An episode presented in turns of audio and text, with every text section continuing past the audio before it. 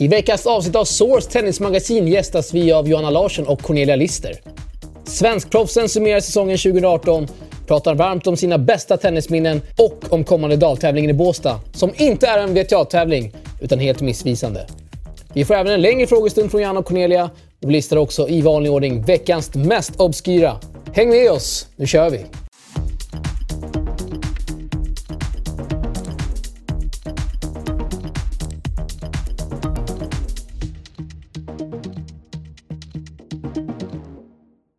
Varmt välkomna ska vara till ett nytt avsnitt av Source Tennis Magasin, programmet där vi diskuterar tennis. Och idag är en mycket speciell dag. Vi har två tennisspelare i studion. Cornelia Lister och Johanna Larsson. Välkomna.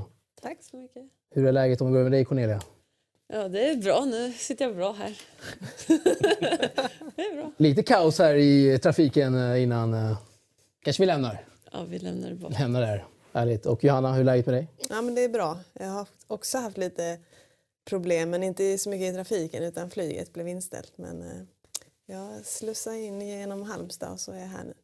Härligt. Och ni båda spelar lite elitserie här i dagarna. Hur, eh, hur kul är det till att börja med? Spela tennis på hemmaplan? Ja, för oss har det blivit mycket hemmaplan nu i, i Fairplay. Då. Jag representerar ju Fairplay Tennisklubb i Malmö. Eh, så jag tycker att det är jätteroligt. Det, vi får ju aldrig spela i lag liksom. Så att eh, jag har passat på nu sju år i rad att vara hemma under hela november och spela alla matcher som går. Så jag tycker att det är jättekul med elitserien och seriematcher överhuvudtaget.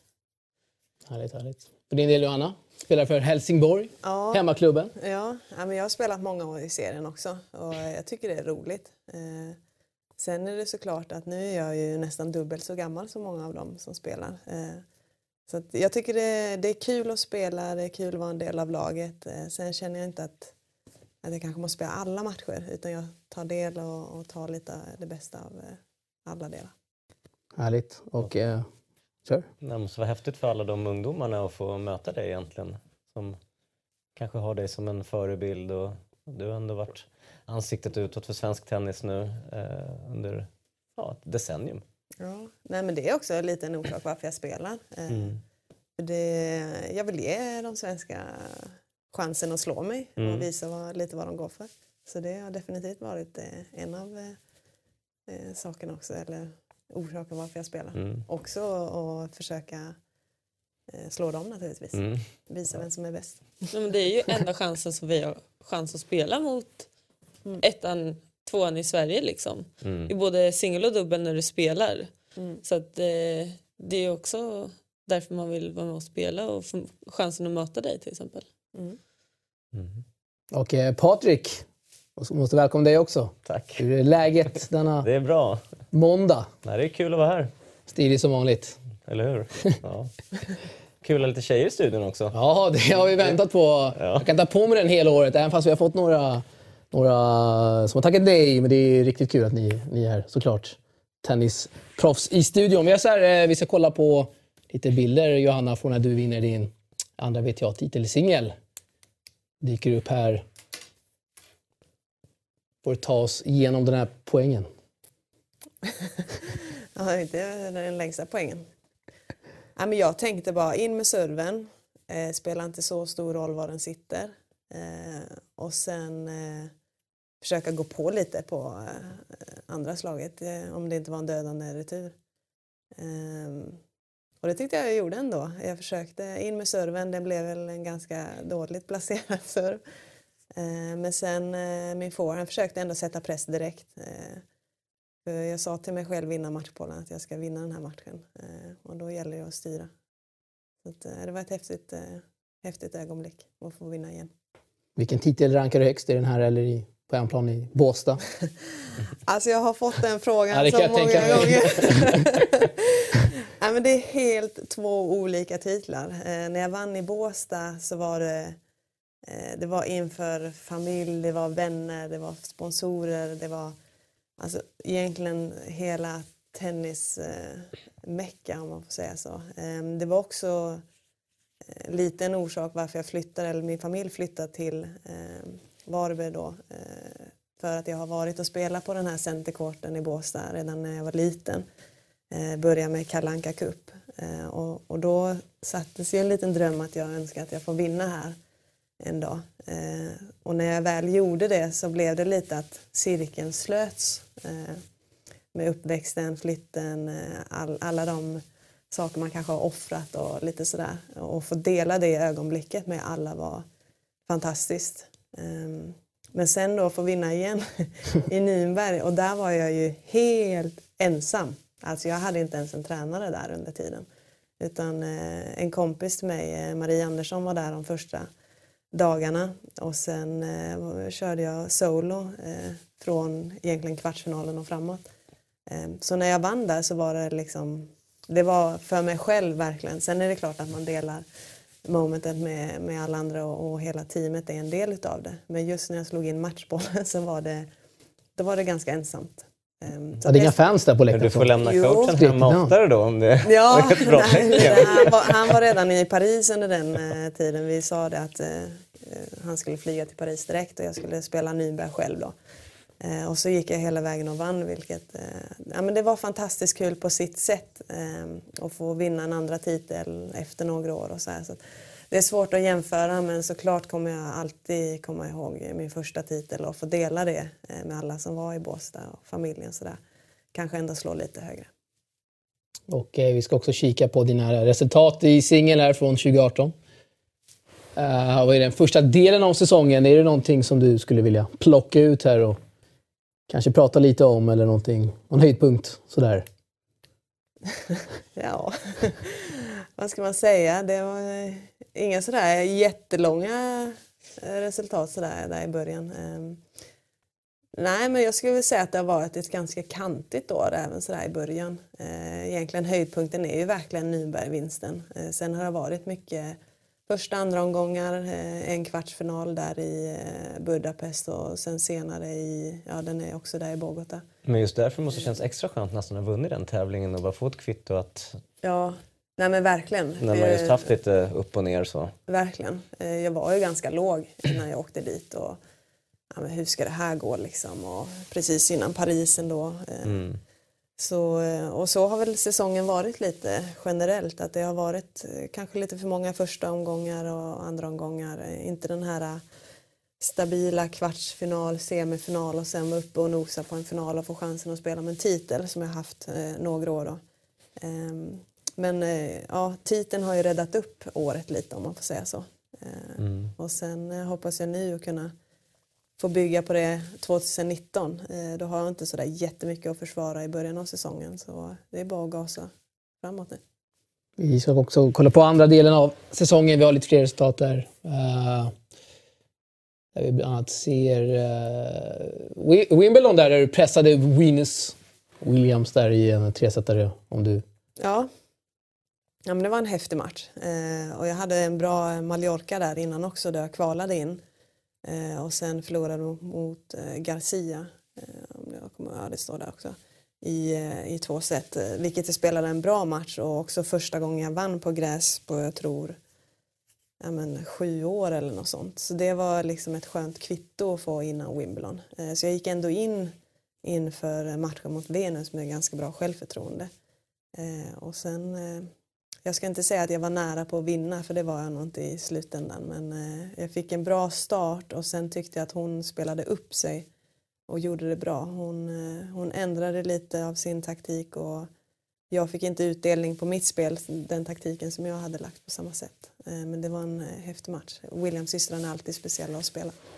Och just i Wimbledon dessutom där du aldrig har vunnit en match och ja. egentligen tar set mot en Wimbledon-drottning som hon ändå är spelar alltid bra på gräs. Mm. måste ju känns skönt också, även om du förlorar till slut. Men att ja. ändå känna att man kan, kan spela på gräs. Får ta din ja. första seger 2019. Ja, nej men definitivt. Jag har faktiskt känt att det blir bättre och bättre. Och eh, inför den här matchen mot Venus så jag kände verkligen att eh, ja, jag kan slå henne nu. Jag har hittat lite confidence på gräs. Eh, Venus är inte oslagbar även om hon är, jag vet inte hur många eh, titlar eller champs i, i Wimbledon. Mm. Eh, men så kände jag ändå att jag har bra chans här. Eh, men sen räckte det inte hela vägen. Och, men hon är ju som sagt en bra spelare så det har inte inte fy skam, men eh, det här 08-riktnumret det får jag ändra till, eh, till nästa år definitivt. Vad är det som är så svårt med att lira på gräs då, för dig? Eh, Men jag, har haft, jag tycker det är svårt för att jag inte kan röra mig helt fritt. Eh, Jag tycker det är jättejobbigt att känna att man nästan halkar lite på, på gräset. Eh, Och det blir ju egentligen bättre ju längre Wimbledon går, men då har jag ju redan varit utslagen. Eh, Och sen går det snabbt. Eh, Jag får inte riktigt den effekten varken på serv eller på eh, egentligen min båge eh, med toppspin och sådär. Eh, Så att, Ja, det har inte riktigt eh, fallit på plats men eh, som sagt jag känner ändå att jag börjar hitta lite flowet nu. Och det är ju inte så många veckor man har på sig att träna. Så att, Tur att det börjar så få veckor. ja, nej, men lite så. Men samtidigt hade det varit fler kanske man hade haft bättre chans och hittat eh, en bättre spelidentitet lite snabbare. Men ja, jag är kanske lite långsam att lära mig. Vi ska kolla på en eh, poäng eh, från eh, Swedish Open eh, 2016, Cornelia. Oj, min tur. Eh, Det är din tur här. Vi kollar helt enkelt.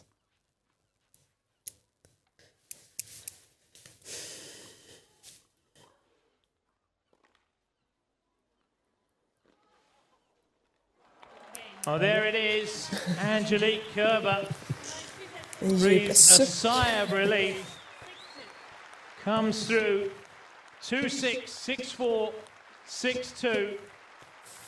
And Cornelia Lister, all Bra uttal smiles. She's just played the match of her Match of life. Håller du med där, eh, kommentatorn eh, för det första? Jo, alltså. Det var bara helt sjukt. Alltså, att jag ens eh, nästan kunde stå på banan och slå. Alltså, jag, hade, jag spelade en tävling veckan innan, eller två veckor innan i, eh, i Tjeckien. Och så fick jag så här... Eh, Eh, nu kommer jag inte ihåg vad det heter, men när man blir helt tjock i hela halsen och du kan inte, du kan inte gå så du, du får bara ligga i sängen hela tiden. Så jag fick det på tävlingen och så fick jag ligga kvar i sängen eh, i flera dagar fast att jag, var, jag lämnade VO liksom. Jag fick inte åka hem eller någonting och skulle egentligen åka till, jag åkte till sjukhuset också tror jag. Eh, och sen så lyckades jag ta mig hem till Sverige, inte spelat på typ en vecka och så eh, tänkte jag bara, ja men jag kan ju åka ner till Båstad, det är ju ändå, alltså chansa på att signa in till kvalet ändå och se liksom. Så när jag är på väg och sitter på tåget på väg ner till Båstad så får jag ett samtal av Nina Wenström som säger Ja du får ett wildcard av oss in till huvudtävlingen. Jag bara va? Ja, men det var ju skitbra, då kan jag liksom ha någon dag att träna liksom. Så det var det bästa som kunde hända. Så då fick jag tränat eh, tre pass eh, innan jag gick in och spelade den där matchen. Och så spelade jag typ hur bra som helst. Så ja, det var... var väl värd WC i alla fall, visade du klart och tydligt här ju. Verkligen.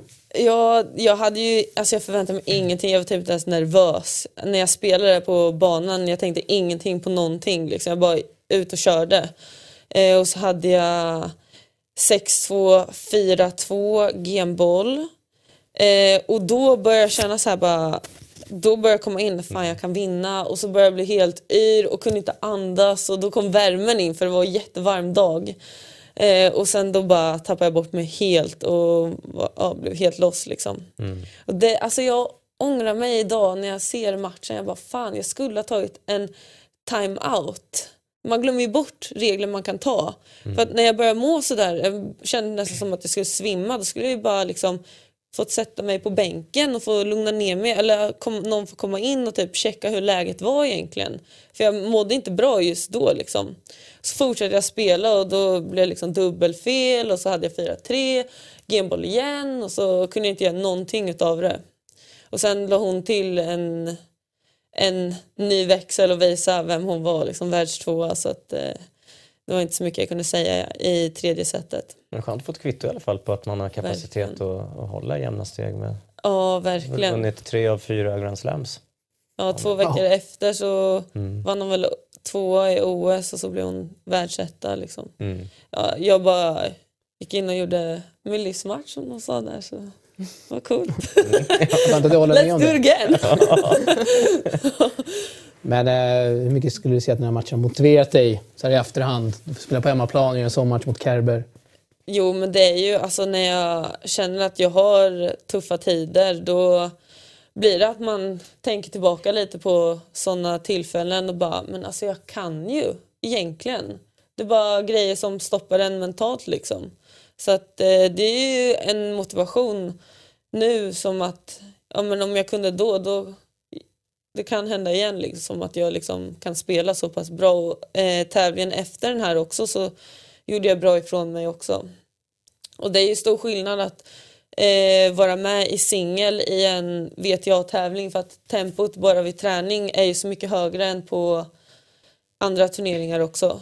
Så att man blir liksom, man känner sig lite, lite mer förberedd och tempostarkare liksom. Vi ska också kika på ditt år här eh, så får du summera lite kort hur det har gått 2018. eh, Våra fina sliders här. Och eh, om du vill lyfta fram någonting här kanske? Ingenting? Skaka på huvudet. Jag väntar på 2019 istället. Alltså. Nej, det Jag har dubbelgrafik också faktiskt. Det Ta fram varit, kristallkulan istället. Ja, absolut. eh, Vilken? Kristallkulan som man ser framåt. Hur Ja, 2019 blir. Men det jag ser är att ni båda har varit i Bogotá och lirat. Det måste ha varit väldigt speciellt. Med den det var min och... första gång. Och så jag hörde ju alla prata men åk inte dit, det går inte. Och vissa andra säger ja, men åk dit, det är inte så många som gillar det där så det är bra chans. Så måste man vara där typ två år innan för att spela den tävlingen. Herregud alltså. Jag såg faktiskt den matchen där mot Sanevska. Ja det gjorde ju det. Ja, det var ju... Är det nästan 4000 meter över havet? Nej, Det är tre? inte så. Inte så är mycket? mer Det är väl mer 2,- Quito kanske? 2,3, 2,4 Ja, okej. någonting. Det ser ut som att du gjorde en bra match i alla fall. Alltså jag hade ju matchen ju. Hade ju ledning eh, i båda sätten.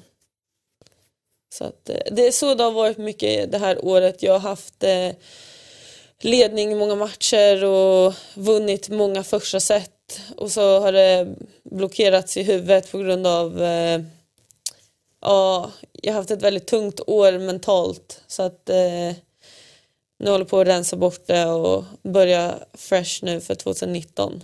Så det är därför jag blir så här. Vi börjar om. Men- Ny start. Ja, det är härligt. härligt. Eh, Vi har del två också, ska vi se. Från ditt år där eh, lite mer tävlingar. Det är inget du här vill...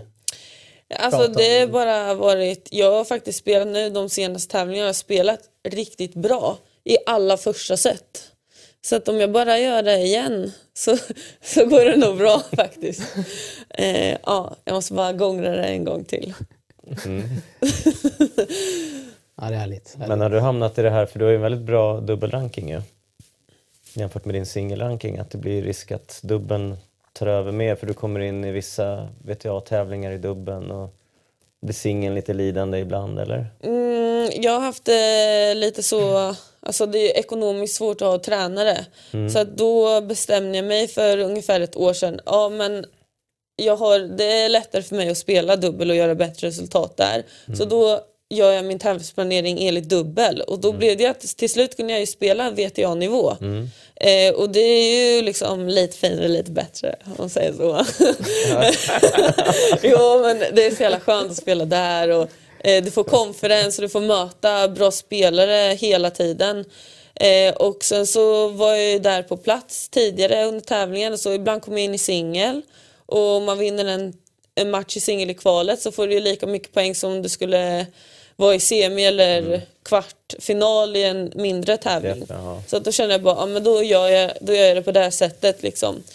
Eh, tills jag känner att eh, jag kan lägga mer fokus på singel och ha med mig någon som kan resa med mig så att ehm, man får lite mer lugn och lite mer självförtroende att någon kan pusha en lite och bara hjälpa till. Så att det är så jag har gjort. Men nu känner jag att jag vill eh, köra lite mer singel fast ändå kombinera med dubbel så att jag kan spela eh, VTA-tävlingar i dubbel fortfarande och hålla kvar rankingen. Eh, och målet är såklart att spela en, en Grand Slam eh, kanske i slutet av nästa år. Ehm, Vad behöver du för dubbelranking för det? Tror hon vara typ 65 kanske eller?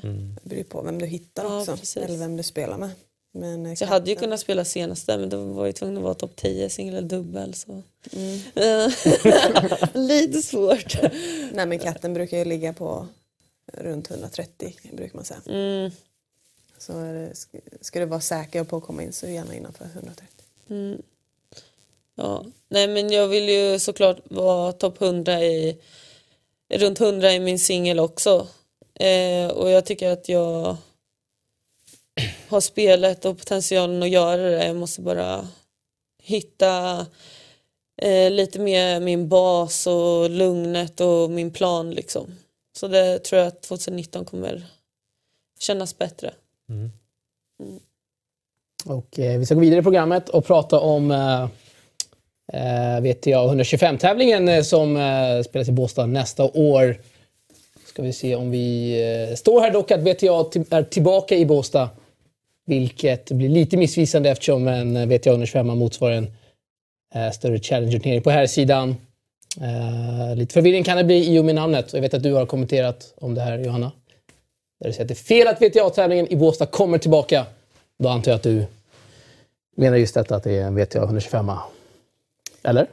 Ja, nej men eh, lite så. Alltså, det, jag tycker det är fel att säga att den kommer tillbaka för att det gör den inte riktigt. Utan eh, det här är en 125 som går under VTA Challenger. Det är eh, väldigt luddigt var egentligen den tillhör. Eh, men det är inte en, en VTA. Eh, vinner man VTA 125 så vinner den inte en titel utan en Challenger-titel. Eh, och det, när man säljer in det att det är VTA är tillbaka i Båstad så blir det väldigt missvisande och eh, eh, jag tycker att man ska få rätt information. Eh, och det är inte det att jag är negativ att det är en 125 som kommer tillbaka utan Nej. det är mer bara att man ska få hela bilden. Jag håller med. Det var väldigt många medier som skrev att VTA är tillbaka. Eh, och eh, de tog efter varandra och det var hur mycket som helst. Det finns vissa regler som, att, som säger att till exempel att inga topp 10-spelare får anmäla sig. Eh, ligger man mellan 11 och 50 på rankingen så behöver man ett WC för att komma in. Och om du skulle vara långt i Wimbledon till exempel på lördag eller söndag och du ligger inom liksom, topp 50 så kan inte du spela helt enkelt. Nej, exakt. Eh, är man topp 50 så får du inte anmäla dig. Eh, och samma om, om man är utanför 50 eh, och är kvar i Wimbledon så kommer du automatiskt bli utdragen om du har anmält dig. Eh, så att det är ju där eh, kruxet ligger lite med, med de här mindre challenger och det är också eh, varför det inte är en VTA. För att VTA-tävlingar krockar aldrig så på det sättet eh, som den här challengen gör. Eh, ja. Alltså svensk media verkar inte ha så bra koll på tennis överhuvudtaget. Nej, det samma var- problem med Davis Cup-matchen. Många fel på sistone. Vad den betydde och inte betydde. Tyvärr. Men det är ju också för att det är väldigt många olika dels organisationer, du har ITF och VTA, ATP. Mm. Eh, men sen också ganska många olika begrepp. Alltså jag är ju magiskt insatt i tennis tycker jag. Men jag förstår inte alla gånger Davis Cup-systemet eller Fed Cup-systemet. Och då är det också för, eh, alltså det är svårt att marknadsföra det till media och det är svårt att sätta kraven på att de också ska kunna allting. När man själv undrar, men vad är det de spelar för egentligen? Eller hur tar man sig upp från World eller från eh, Euro Africa Group 2 till World Group? Alltså det, vet inte, det tror jag inte ens att alla spelare i, i Sverige vet som ändå är lite Fed Cup eh, eh, aktuella om jag ska vara helt ärlig. Så att det, det är ganska krångliga system och eh, värt att, att eh, göra en ändring på tycker jag. Men jag tror alltså när de skrev VTA-tävlingen i Båstad tillbaka, det kan ju eh, det kanske de gjorde också för marknadsförsmässigt, alltså Såklart. reklam och det och, alltså jag tycker att det kan vara bra på ett sätt för då blir det så här, åh den är tillbaka och det är ju skitbra. Jag är faktiskt lite, jag blev förvånad att den var tillbaka redan efter alltså ett år så. Jag tyckte det var jättebra att de har eh, kämpat för att en alltså, liknande tävling kommer tillbaka i alla fall. Inte riktigt så stor men för, till exempel för mig så är det ju stort ändå att den är tillbaka tycker jag. Absolut, och det håller jag med dig om. Jag tycker bara att det blir falsk marknadsföring. Jo, självklart. Eh, För att vi har två ATP-tävlingar i Sverige. verkligen. men vi har fortfarande ingen VTA. Nej. Och då kan det här bli att man, ja men ni har ju faktiskt en VTA-tävling tjejerna så att ni ligger inte så pass långt efter. Men vi har inte en VTA-tävling. Så jag förstår och jag tycker att Det är så nära det kan bli i ja, alla och fall. det är rätt att marknadsföra det som en stor tävling, absolut. Mm. Men det är fortfarande ingen VTA-tävling. Eh, och det tycker jag att man ska, man ska få veta eh, helt enkelt. Och, och det är inte att jag är negativ till att det är en 125 som är tillbaka utan jag tycker bara att rätt ska vara rätt. Mm, håller med dig. Jag håller helt med dig. Och eh, Swedish Opens officiella hemsida skrev också det, att VTA-tävlingen är tillbaka. Jag kan tycka att de i alla fall borde ha rätt info, eller hur? Officiella Ja, men jag vet, den går ju under vet jag, så Ja. det är därför det blir väldigt luddigt egentligen var, den ska, var den ska hamna och hur man ska marknadsföra den. För den går ju under organisationen vet jag, men det är ju fortfarande en Challenger. Det är förvirrande minst sagt. Eh, vi ska vidare nu till Svenskkollen.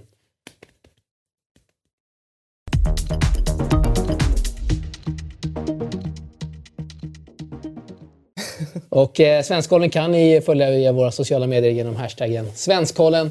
Följer ni den hashtaggen någonting? Eh, negativt. Eller har jag varit eh, dålig i min marknadsföring helt enkelt? Eller vi? Så jag är ganska aktiv men jag har inte riktigt tänkt på den.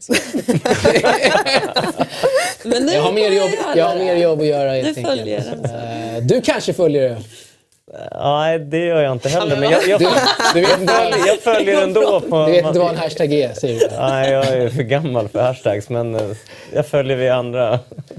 Jag undrar hur eh, många som har klickat in på den hashtaggen. Jag får, det finns överallt. jag får Facebook. telefax en gång i veckan på alla resultat. Här då. Eh, här har vi i alla fall lite svenska resultat. Vi ska gå igenom dem. Vi ser Linnea Malmqvist där. Uh, spelar final i både singel och dubbel i Tunisien är det va? Monastir. Och eh, Kajsa Henneman har varit igång och eh, Gustav Ström också där i Mexiko. Grade One. Eh, ja, sen var det inte så många mer resultat. de Nej, senaste säsongen är väl slut för de flesta. De Precis. tränar och spelar elitserien, antar jag att de flesta kanske gör nu. Men vi har ITF ända fram till januari i princip va? Ja, de går ju året om. Futures. Så är Lindell där och spelar final igen. Två veckor rad mot samma kille. Förlorar han. Ja, det är surt. Eh, hur mycket följer ni resultat så här via? Tired. Ja, det gjorde han till och med. 03. Då undrar man ju vad det var. Ja, Eh, hur mycket vi följer? ja, Jag är följer- Resultina till att börja med. Ja, Resultina. Eh, men jag följer ändå eh, en del. Jag ska inte säga att jag kan varenda resultat för då ljuger jag absolut. Eh, men jag tycker att jag har hyfsat koll. Eh, sen när det blir för lågt i åldrarna, eh, där har jag dålig koll. Och Cornelia? Eh, jag har ITF Pro Circuit-appen, vet jag, och sen så följer jag er. Eller dig Stort. till exempel. Oj, så att, oj, oj. Du är ju jätteduktig på att lägga ut hela tiden på Source och Tennisportalen. Så att jag behöver inte ens gå in på appen och kolla. Alltså. Blir generad. Oj, oj. Så här mycket bra. Har aldrig fått. Tack så mycket. Ja, kul, då gör vi, vi gör någonting bra där med våra Svenskkollen, eller hur Patrik? Ja, ja, verkligen. Eh, vi ska kolla faktiskt på eh, damernas eh, världsranking här i, eh, i singel till att börja med. Och eh, tänker fråga dig Johanna, hur mycket prestige, om det nu ens finns en sådan att man vill vara bäst i Sverige? Den Finns frågan har jag också fått ganska Ja, jag kan ofta. tänka mig och det. det Jag är tvungen att ställa den. Ja, men det är inte bara nu utan det var även när jag och Sofia tampades ganska mycket. det. Eh, Ja, Okej. Och då gick jag ut i media och sa att nästa år ska jag vara etta i Sverige, jag ska vara topp 100. Och, men det här är då några år sedan. Eh, och jag ska vinna min första titel. Jag tror jag hade de tre som jag körde hela tiden. Eh, men det är klart att man vill vara bäst. Eh, så det ligger ju prestige i det, självklart.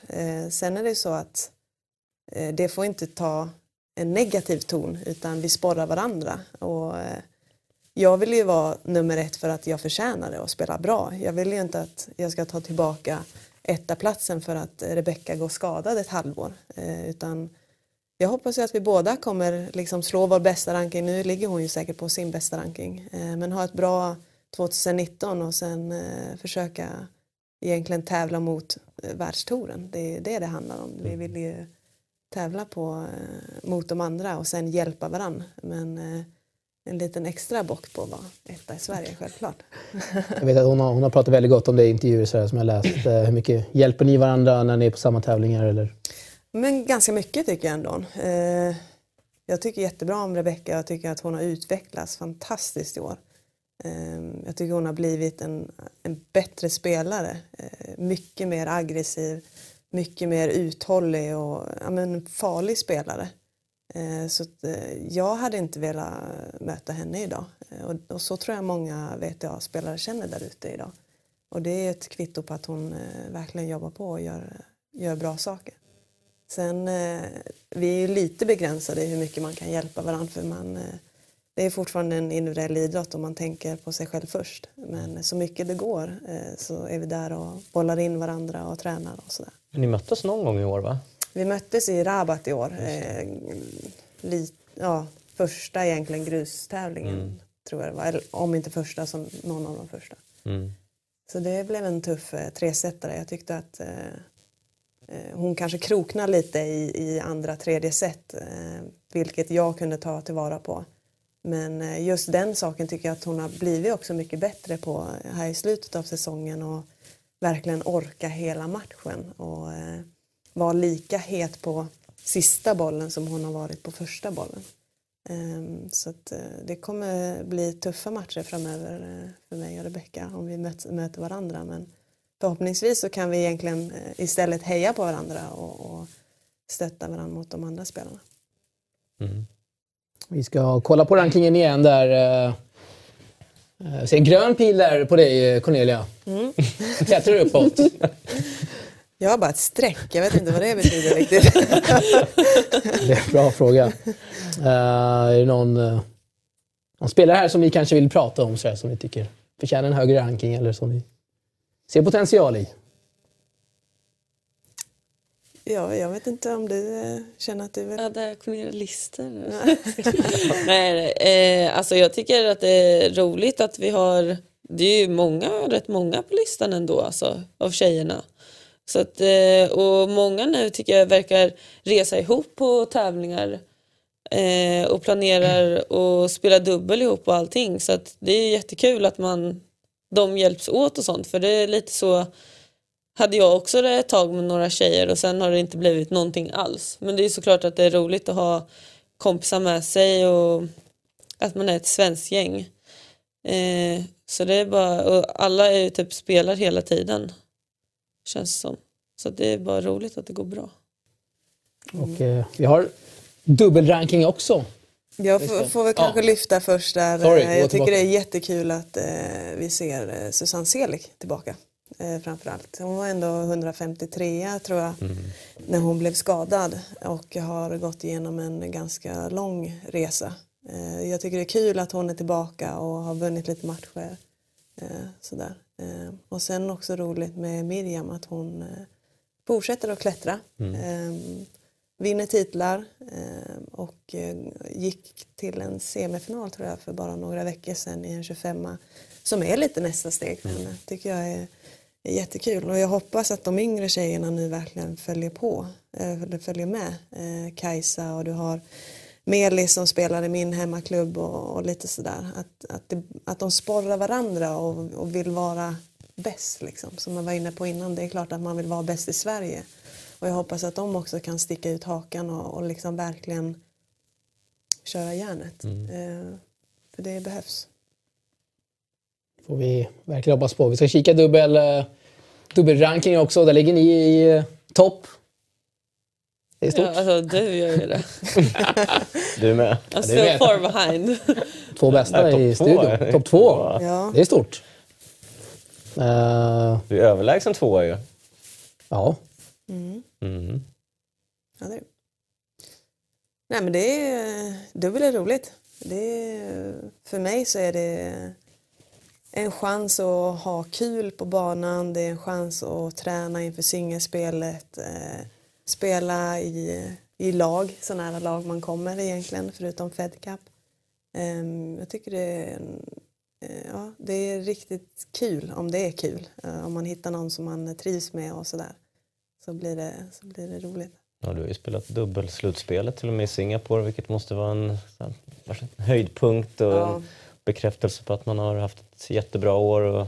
Ja, men det var, det var häftigt. Mm. Alltså hela upplevelsen. Det, det är svårt liksom att ta den upplevelsen eh, till några få meningar här, här egentligen. Men eh, det är någonting som jag aldrig kommer glömma tror jag. Och kanske det enda som kan toppa är väl om man skulle ta sig dit som singelspelare. Ehm, Sen är det också många som, ja men skulle det då toppa? Så, ja, jag är ändå inte säker på det för nu fick man ju dela det med Kiki som jag spelade med och med hennes team och sådär. Så det, eh, nej, det, det var häftigt, det var det. Och eh, vi, ska, jag säger, vi ska gå vidare till eh, våra tittarfrågor.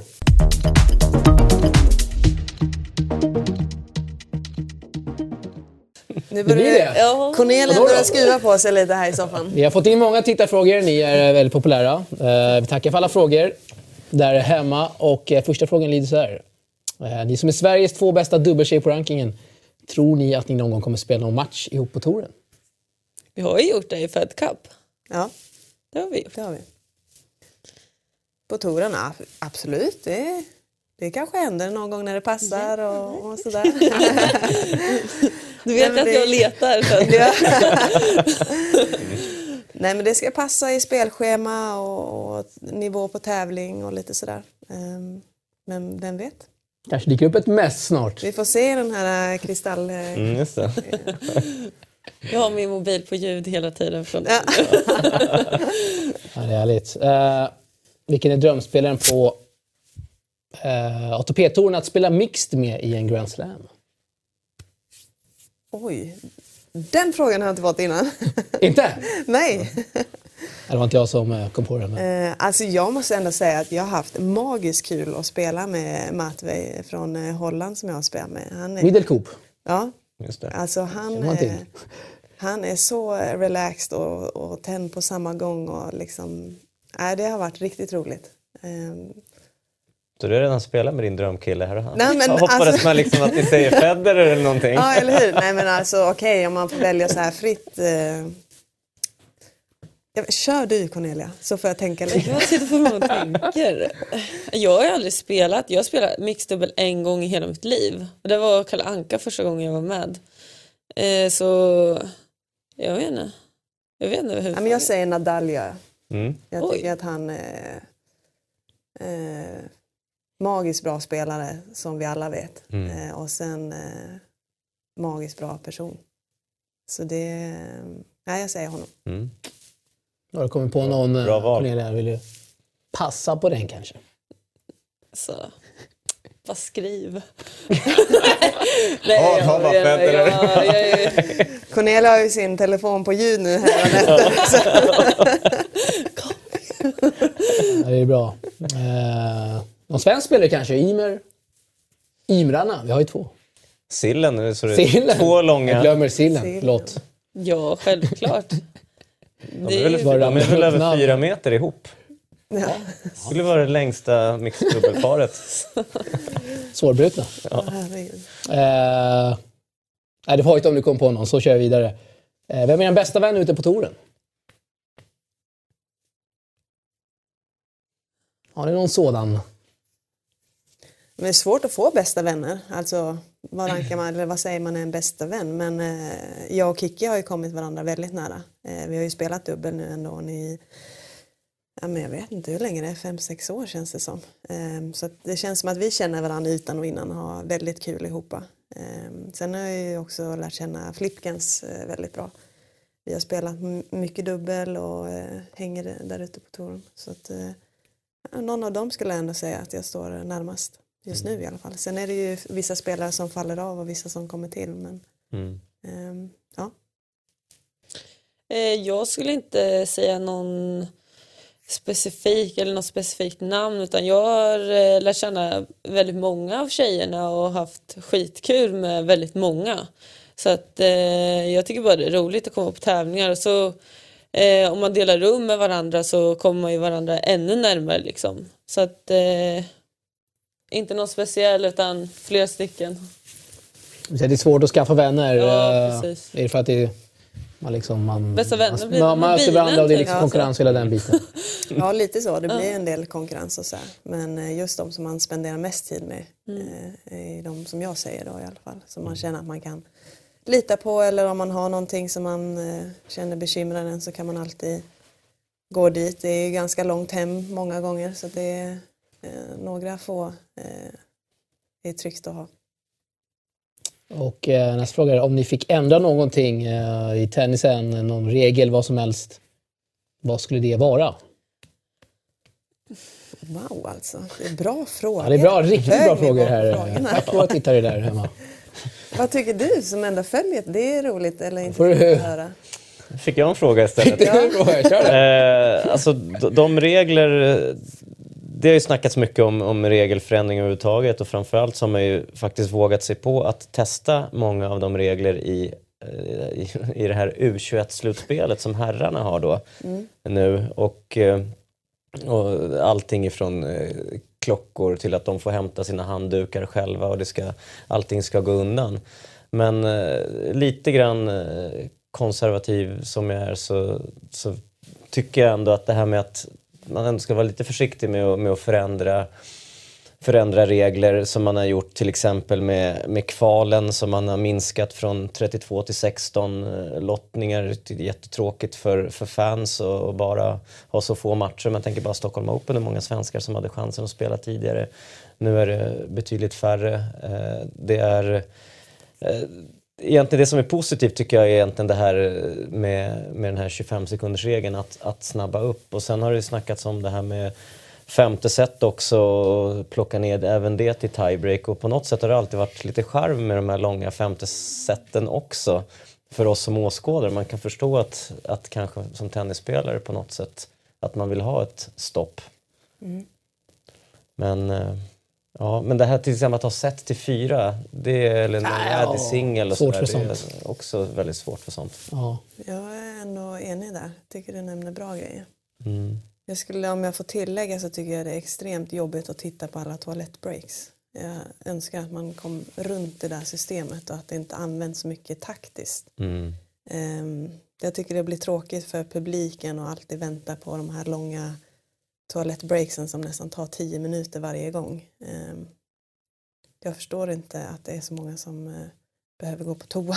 Nej. Det är mycket fulknep och sånt alltså. Ja, för jag tänker bara på mig själv hur ofta som jag verkligen behöver gå på toa en match. Alltså det har hänt kanske två, tre Mm. gånger på hela min karriär. Eh, man går på toa innan matchen och sen svettas man extremt mycket, framförallt när det Mm. spelas i de varma länderna. Man behöver inte gå på toa Eh, stup i kvarten och efter varje set som man förlorar. Det, det för mig tycker jag är lite tråkigt. Och, men en svår regel att förändra, men jag hade gärna tagit bort de här toalettbreaken på något sätt. Mm. Ett moment som jag gillar det, som, som åskådare det är ju det här med just den här coachingsituationen där spelarna sätter på sig hörlurar och så snackar de med coachen och så hör man lite grann vad de pratar Du gillar det alltså? Jag tycker det, det är lite kul att, lyssna på vad de säger och det här är någonting som fanns på, på VTA-touren men som ATP-touren aldrig har haft. Mm. Jag vet inte om det finns det kvar? Eh, nej, det tror jag inte. Eh, vi får ju använda coaching en gång per set, men då Mm. kommer coachen in. Just det. Eh, inte att man liksom kör Mm. ett headset och sen pratar. Men är det bra att den, och hur kommer det sig att den regeln finns på VTA-touren men inte på ATP-touren? Att man, Eh, nej, men igen, det är två olika organisationer Mm. och de kör lite olika race och där. Ehm, Använder du av den regeln? ja, det gör jag, men jag, alltså, jag är negativ till den regeln. Eh, jag vet inte vad du säger. Eh, Jag gillar att man får coacha. Jag tycker nästan man borde få göra det eh, på lägre nivå också för då man lär sig liksom.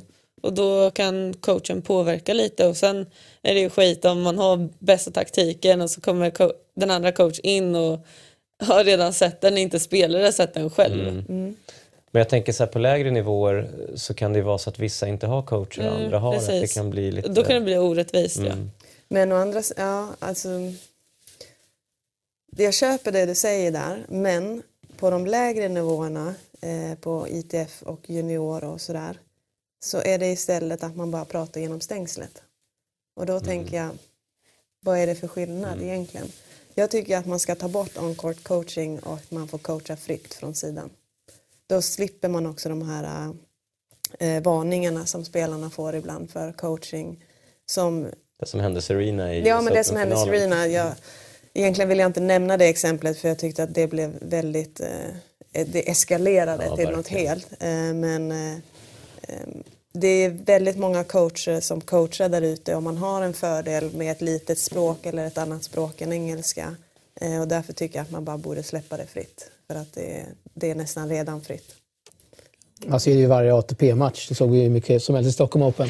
Ja, ja. Folk i, sitter där och coachar. Ja. Eh, nästa fråga är, hur mycket bör man träna från tidig ålder om man ska nå hela vägen och bli proffs? Eh, ja, alltså jag tycker att man ska man kan hålla på med olika sporter så att man håller sig aktiv och tycker allt är roligt och sen eh, om man väljer att spela tennis så känner man ju det inifrån och från sig själv hur mycket det är, ja, men jag, jag vill åka och träna, jag vill spela och hur mycket man ger på träningen, hur mycket man krigar liksom. Eh, så att eh, jag började själv när jag var tio och så inte typ spela, typ, började spela två gånger i veckan eller mer när jag var 13 år. Så jag har ju typ kommit ifatt bara för att jag velat spela och jag tyckte det var så kul liksom. Sen eh, är det ju kanske fördel att börja när man är yngre så man får mängd och allt det här. Men jag tycker det här som du säger nu, det är ju perfekt att egentligen visa alla ungdomar att det behöver inte vara för sent för att man inte har spelat en sport sedan man var 4-5 utan att man kan faktiskt komma in sent och ändå lyckas väldigt bra. Mm, Men det handlar ju bara om viljan liksom. Att man vill det själv, inte att det är någon annan som pushar. Eller att man bara, nu tycker jag det ser ut att vara så många som bara står på banan och bara vill egentligen gå och sätta sig och hålla på med sin iPad. Och så är det föräldrarna som har skickat dit dem på träning eller de bara måste gå liksom. Och det är inget kul att se, det är inget kul att coacha och det kommer ju inte bli bra då heller. Så är det ju bara. Mm. Mm. Vad känner du kring det Johanna? Hur, eh, hur mycket Ja. spelade du som ung om vi kan ta, ta det därifrån? Ehm, jag började tidigt, gjorde jag. Jag började när jag var fem. Ehm, jag spelade mindre än eh, mina, alltså om man börjar jämföra lite upp i åldrarna där vi 12, 13, 14 spelade jag mycket mindre tennis. Men jag skulle egentligen säga att jag tränade mer. Eh, jag sprang ganska mycket. Eh, där jag är uppvuxen åkte jag enormt mycket skidor. Jag ja, men höll på hela tiden med någon form av idrott. Men just tennis var kanske lite, lite mindre. Ja, men min personliga oh, åsikt, jag tycker att tycker man behöver en viss mängd. Det tror jag aldrig man kommer ifrån. Ehm, jag tror att alla behöver stå och nöta x antal timmar. Ehm, sen är det ju som Cornelia säger, det gäller att man använder de timmarna till eh, att man är motiverad och att man är villig och vill lära sig och vill köra. Annars kommer det inte bli bra. Men eh, eh, absolut att det inte är för sent när man börjar lite senare men jag tror ändå att man be- behöver komma upp i x antal timmar. Och eh, nästa fråga är, ert bästa tennisminne? Är det vi har visat i tidigare program kanske? Ja, jag tycker att vi kör på det. Så det var ju första gången jag fick stå på en, en centercourt med fullsatt publik och eh, spela mot världsstjärna, eh, intervju på banan, tv-sändning, intervju efter, fick se tidningen, Hugh Grant var där med mera. Och sånt. Så det var, man fick vara superstar en dag. Liksom. Det var ganska coolt. Ja, kul. Mm.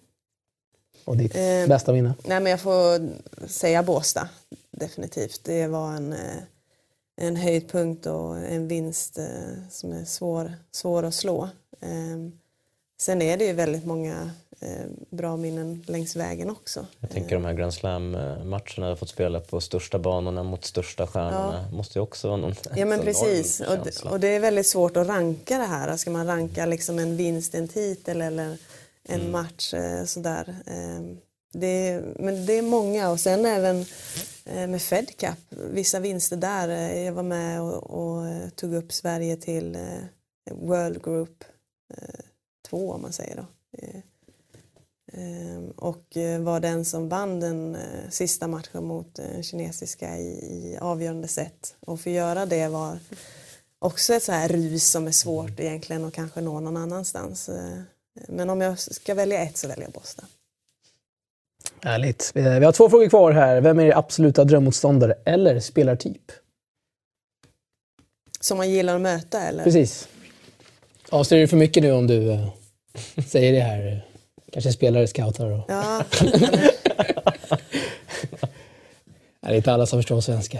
Gud alltså. Den är ju... Det var svår alltså. Ja, så sitter man här och säger att den där spelaren är ju ingen dröm spelare och så förlorar yes. man nästa gång tre matcher i rad. Jag Liksom. Då är det, inte ju- säga något. Ja. ja, Inga det, namn kanske, men spelartyper då? det är egentligen bättre att säga vem är mardrömsmotståndaren. Där har man ju liksom åkt på några proppar. Eh, Kör den du. Serena Williams. Ja, ja, ja men henne har jag aldrig råk, varit nära faktiskt. Ehm, Men jag har aldrig gillat att möta Jankovic. Eh, Henne har jag fått strögen mot och eh, Baczynski har jag slagit en gång men jag tycker hon är knepig alltså. Det passar inte mig bra. Ehm, Men hur många gånger har du mött Serena? Tre skulle jag säga. Mm. Fed Är hon- Cup, Båstad, eh, US Open. Just det. Är hon så, vad ska man säga, en sån superstar inom damtennis så att bara när man kliver in på banan med henne så är det så pass mycket vad ska man säga, respekt och att ja, hon är ja, men som Federer inom herrtennis att många Han har viss aura runt sig. Ja, Mm. många har nämnt det väldigt ofta att det blir att, att han just har det eller att hon har det. Ja, det tror jag definitivt. Och det är klart att man känner det. när Man blir nervös av bara det. Liksom. Eh, Första gången skulle jag säga att det var mer påtagligt för mig Mm. själv. Eh, Andra, tredje gången så kände jag att nu ska jag ju vinna. Ehm, Men eh, sen tycker jag också att det jag själv kände när jag mötte henne det var att känslan jag fick när jag stod face to face och när man kände hennes bollbana, speed och så här så fick jag mer respekt för henne som tennisspelare. Just därför att på tv tycker jag inte man ser riktigt hur hon ändrar höjd, hur hon ändrar eh, speed, eh, mixtrar första servar, inte bara placering men också speedmässigt. Helt plötsligt kastar hon in en andra serv på ja, men 1.25 nästan. Man blir helt ställd för man förväntade sig en, en 190 serv. Mm. Eh, Det tycker jag inte man ser på tv lika mycket. Men när man mötte henne så kände jag shit alltså. Hon, det är inte bara att hon slår hårt och, och liksom, slår ut motståndarna utan hon tänker tennis också. Eh, Så att, ja, eh, absolut att hon har en aura runt sig men också är bra spelare. Mm. Ja. Det är en orsak varför hon är nummer ett eh, Ja. och har varit i så många år. Inte just nu men eh, har varit i många år. Jag är väl bästa damspelaren genom tiderna. Ja. Måste man väl säga. Mm. Det är någon drömmotståndare, Cornelia? Någon spelartyp? Så jag sådär, tycker så du... typ de toppspelarna eller de eh, bättre rankingmässigt spelarna kan vara det behöver inte vara mardröm, det kan ju bara vara ännu bättre för då går man in och bara ja men hon ska vinna och så bara blåser man på och kör som ingenting liksom. Mm. Eh, jag har ju spelat bra mot de som har varit, eller de som är topp 100 och så. Ehm, eh, men jag gillar inte, jag tycker det är nästan svårare att spela mot de som ligger rankad fem, runt 500. Det blir en större press egentligen. Ja, det blir ju så. Man vet inte riktigt vad man ska... Eller man har ju sin förväntning men så vet man inte och de är mer oförutsägbara och de som är på touren mer, de har ju sin gameplan liksom och då kan man nästan se när man ser dem spela matchen innan att okej hon spelar så här, hon servar så här. Man kan ju också gå in och scouta och så. Ehm, men jag gillar inte de som typ slicear och rycker i spelet och sådär. Det gillar inte jag. Alltså. Ja, det är din mardrömsmotståndare. Vi har sista frågan här. Vad bör göras för att intresset kring svensk tennis ska öka? Det kanske du har fått ofta. Ja, men hur, hur länge har vi på oss? Ja, det är inte mycket kvar, jag tänkte säga Det är det. million dollar question det här alltså. Ja, den är verkligen det. Ehm, ja, men, eh, om jag får säga en sak så krävs det en fixstjärna. Det tycker jag egentligen alla eh, sporter är beroende utav. Ehm, jag tycker att jag har kommit oerhört långt i min idrott och är en av de absolut eh, bästa i världen. Ehm, men jag är inte riktigt den fixstjärnan som behövs. Ehm, vi behöver en Robin Söderling på damsidan skulle jag säga. Men svensk tennis generellt så vi behöver en Robin Söderling på här sidan också. Ehm, och det tycker jag man ser i de andra idrotterna som eh, är stora. Simning just nu har vi Sara Sjöström. Eh, vi har skidskytte har vi haft väldigt stora framgångar i som är egentligen en minisport om man ser till det stora hela. Verkligen. Eh, men de har haft sina eh, fixstjärnor och de har varit väldigt likeable. Och, då får idrotten ett stort intresse, både från publik men också medialt. Mm. Så det är bara till att svinga bättre helt enkelt för oss aktiva. Någonting du vill tillägga, Cornelia? Eh, alltså jag tycker mer av eh, det som du försöker göra just nu eller det som vi gör just nu. Att försöka visa tennisen och visa oss. Liksom. Eh, alltså jag tycker bara det är lite otroligt att inte dina resultat får typ en helsida i Aftonbladet eller vad som helst. För jämfört med alla andra sporter så syns ju de hela tiden. Varför syns inte tennis längre? Det är ju en av världens största sporter. Och, Ja, men jag blir ändå glad att du säger så för att det är verkligen så. ja. Ehm, Det är nästan och- nedvärderande. Alltså. Ja men det är definitivt och det är många som kommer till mig och säger ja men när eh, ja, men Många pratar med mig om Kiki då eftersom eh, vi har så nära relation och spelat dubbel och, och säger men när, när, ska det bli, när ska det bli ditt år och när ska du börja vinna och leverera? Så tänker jag ändå så här, ja, ja, men jag ändå, har ändå varit 45 i världen i den största och mest konkurrenskraftiga eh, individuella idrott vi har på damsidan och man är ändå inte tillräckligt bra i många ögon. Eh, det är många som ser mig som en dubbelspelare eh, när jag egentligen har jag har inte bättre resultat i singeln men jag ser mig själv fortfarande som en singelspelare. Så att det blir lite nedvärderande sådär ibland. Men jag tror att media får ta ett visst ansvar men jag tror att vi behöver eh, ännu bättre resultat. Och det är kanske sjukt att det ska vara så men vi behöver en, en, en fixstjärna inom tennisen för vi är så otroligt bortskämda. Eh, Tyvärr. sluta, topp 100 nio år i rad. Det är helt ju Ja men vi är ju bortskämda. Alltså Ja, men- vem är Rebecca Pettersson om du frågar, Petersson om du frågar i, i Sverige? Alltså det är Det var väl ett år sedan vet. SVT skrev att hon var en dålis liksom. Du, Exakt, Bara och, där. och i år slutar hon, alltså hade hon fått avsluta sin säsong eh, helt och, och friskt och kanske spela de sista två tävlingarna så tror jag att hon hade slutat topp 50. Och, och, och Sverige vet inte vem den här tjejen är egentligen om man går utanför tennisens dörrar lite grann. Och det är egentligen eh, alltså skäms. Jag håller med dig. Men, Men jag tänker ja. bara tänk så här, hur svårt, ska, hur svårt är det att eh, skriva lite om tennisen eller visa liksom? Mm. Alltså det står ju ingenting någonstans. Och sen när det väl har stått så har det ju stått fel. alltså, på text-tv eller vad som helst liksom. Jag tycker ni båda är bra på, på sociala nätverk och Instagram och lägger ut och det, det tycker jag är en eh, vad ska man säga, Oh ja. bra grej som ni själva gör för att själva försöka väcka liv i intresset och att de som gillar sporten och er kan följa er. Mm. Så det, Vi ska försöka med det så mycket det går. ja, men det gör Vi följer er. Ja, nej men det, vi försöker och eh, vi kan inte göra mer än vårt bästa. Nej. Så är det ju. Nej. Eh, sen hoppas vi att 2019 ska bli even better. Mm. Det får vi hoppas på. Och vi har... Eh, eh, tackar för alla frågor där. Eh, vårt sista segment här. Du vet du vad det är. Veckans mest obskyra. Veckans mest obskyra kommer här.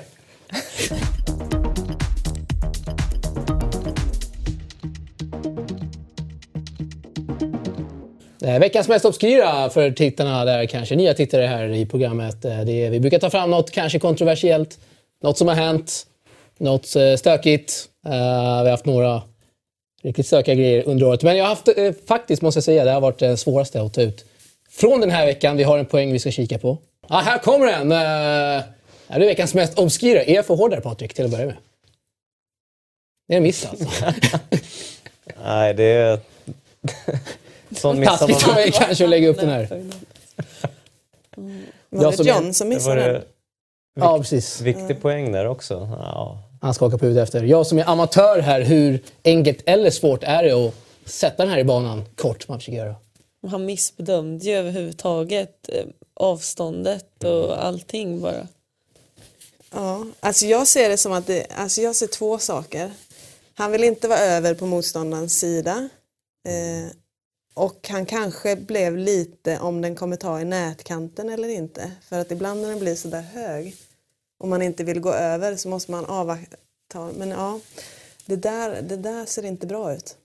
Har ni gjort en sån här miss när eh, inga kameror har rullat? Oh ja, jag har nog gjort värre än det där. Är det så? Ja. ja men Det är ju tur att det inte fanns kamera. nej, men ibland kommer man ju helt fel eller man snubblar till eller liksom man missbedömer. Och, Ja, definitivt. Det där, alltså det där eh, händer. Det är mänskligt helt enkelt. Ja, ja men definitivt. Jag menar de här, det paret, vad är de, etta i världen eh, någonting? Eh, de har har varit i alla fall. Och, eh, kan han missa sådär så tror jag nog att alla vi i det här rummet kan göra det också. Det är upp till oss två kanske Patrik, vi som eh, spelar på den lokala klubben. Eh, det var allt för idag. Jag vet inte hur mycket vi klockar in på, men eh, kanske någon timme där. Jag vet att du vill hålla det lite kortare. Eh, nej, men stort tack för att ni kom Cornelia och Johanna. Hoppas det, det var kul att vara här i Source. Tack för inbjudan. Yes, tack för att vi fick komma. Och vi önskar er eh, all lycka under 2019 blir det. Uh, svår med åren här. Patrik, stort tack för att du kom också. Stående gäst här i Source, måste vi ändå säga. Tack. Har blivit så. Det har varit några i rad nu. Hur många är det? Har du räknat? Nej, det är inte... Kan det vara sex kanske totalt? Ja, sex, möjligt. Kan bli sju. Kan bli. Kan bli. Året är inte slut än. Nej, mycket bra. Vi syns om två veckor helt enkelt. Ha det så bra. Hej!